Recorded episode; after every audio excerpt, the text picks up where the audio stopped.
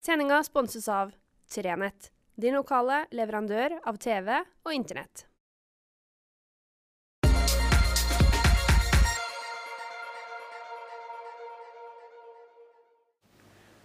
Riktig god fredag. Denne uka har jeg skrevet to ledere som handler om politikken i Nord-Troms.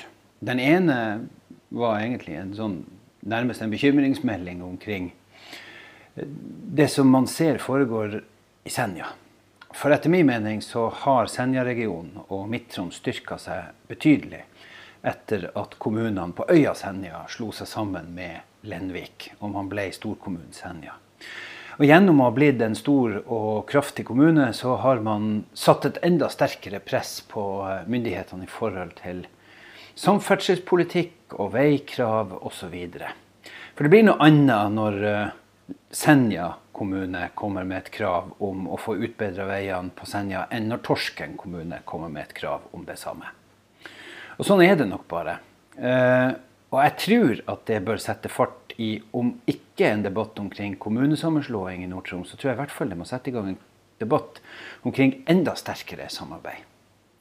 Jeg er litt spent på hvordan regionrådet har tenkt fremover å organisere seg og rigge seg. For eh, man vet jo at eh, regionrådet i forrige periode var veldig god og veldig flink på å tenke sammen. Og kanskje særlig Nord-Troms 4, men også med god støtte fra Lyngen og Storfjord i forbindelse med, med studiesenter og en del andre uh, ting. Man klarte også å prioritere ganske, etter mitt syn, klokt. Man var veldig tydelig i hvilke veier man mente skulle være først, og hva man skulle satse på etterpå.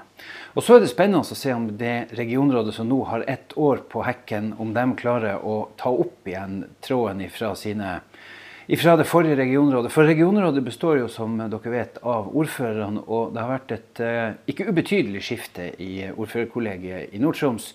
Uh, det er tre av dem som var, er fortsatt, mens uh, tre er kommet til. Og Så må man se om man klarer å og fortsette det samarbeidet.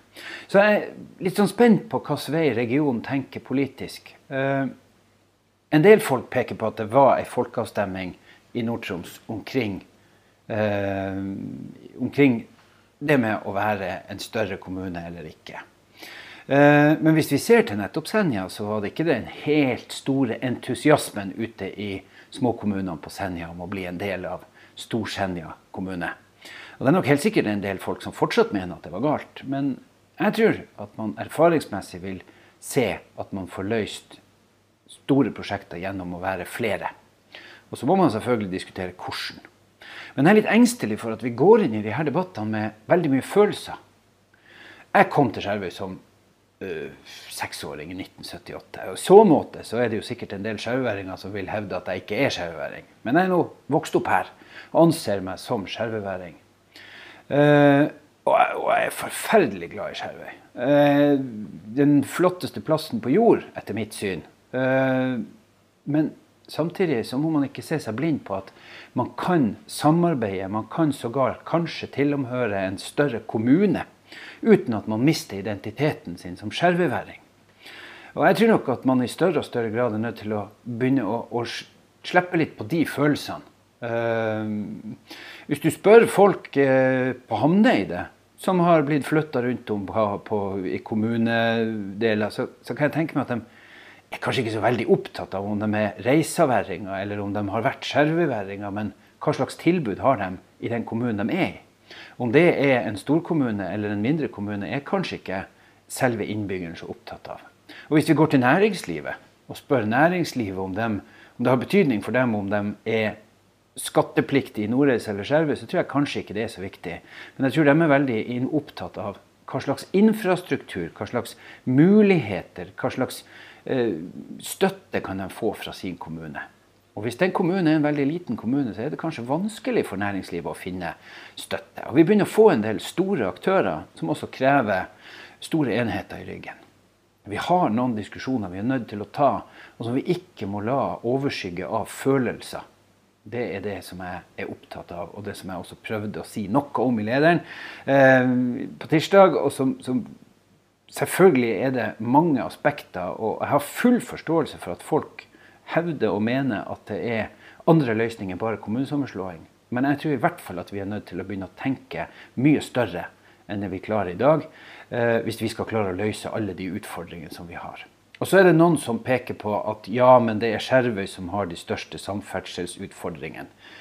Ja, Skjervøy har store samferdselsutfordringer, men andre kommuner har også andre utfordringer som òg er veldig krevende. Vi har f.eks. en utfordring med folketallet vårt. Det er kanskje den aller største utfordringa i hele regionen.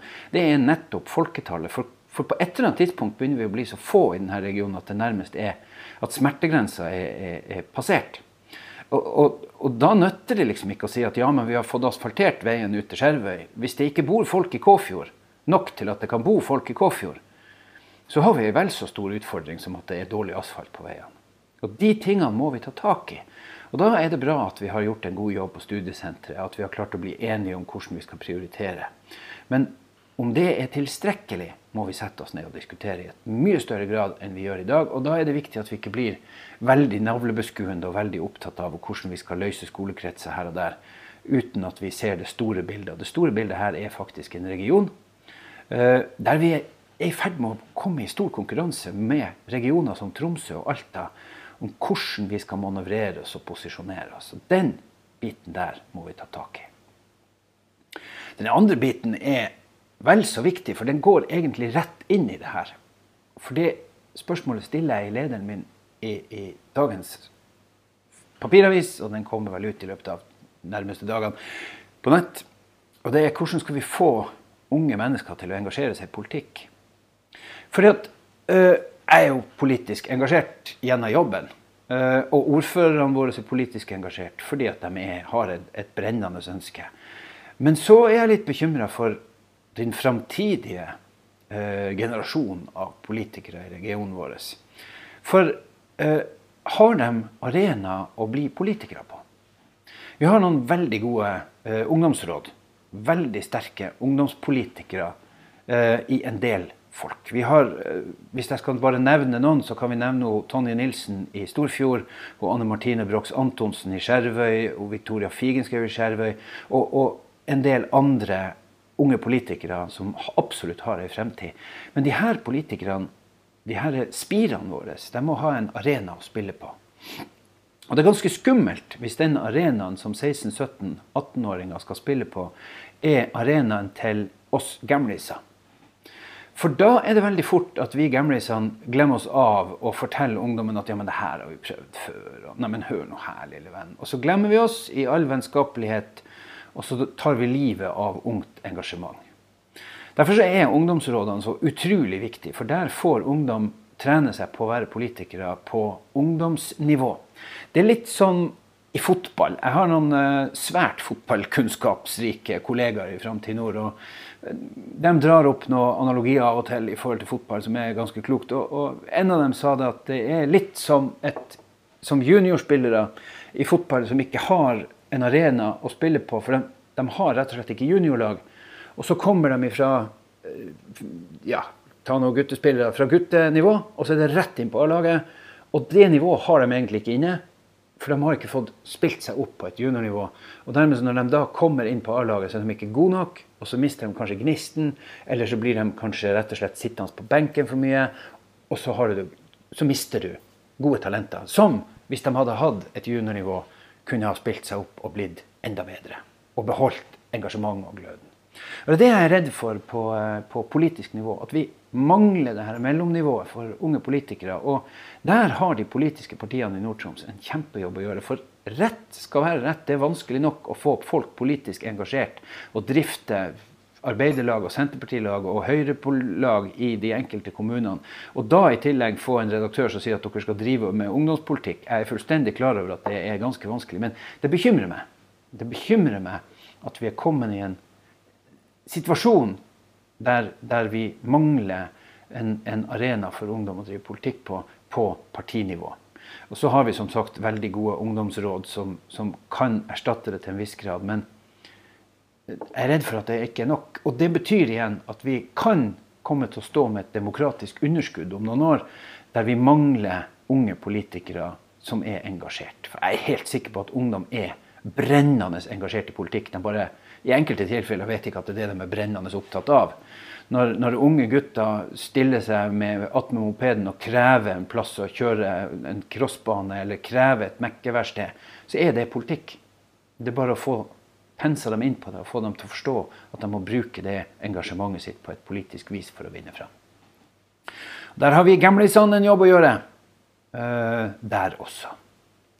Der er noen sånne ting som opptar meg om dagen. Uh, ett er hvilken vei regionen vår skal gå i framtida. Og det andre er altså hvordan vi skal få opp engasjementet til de innbyggerne som er her.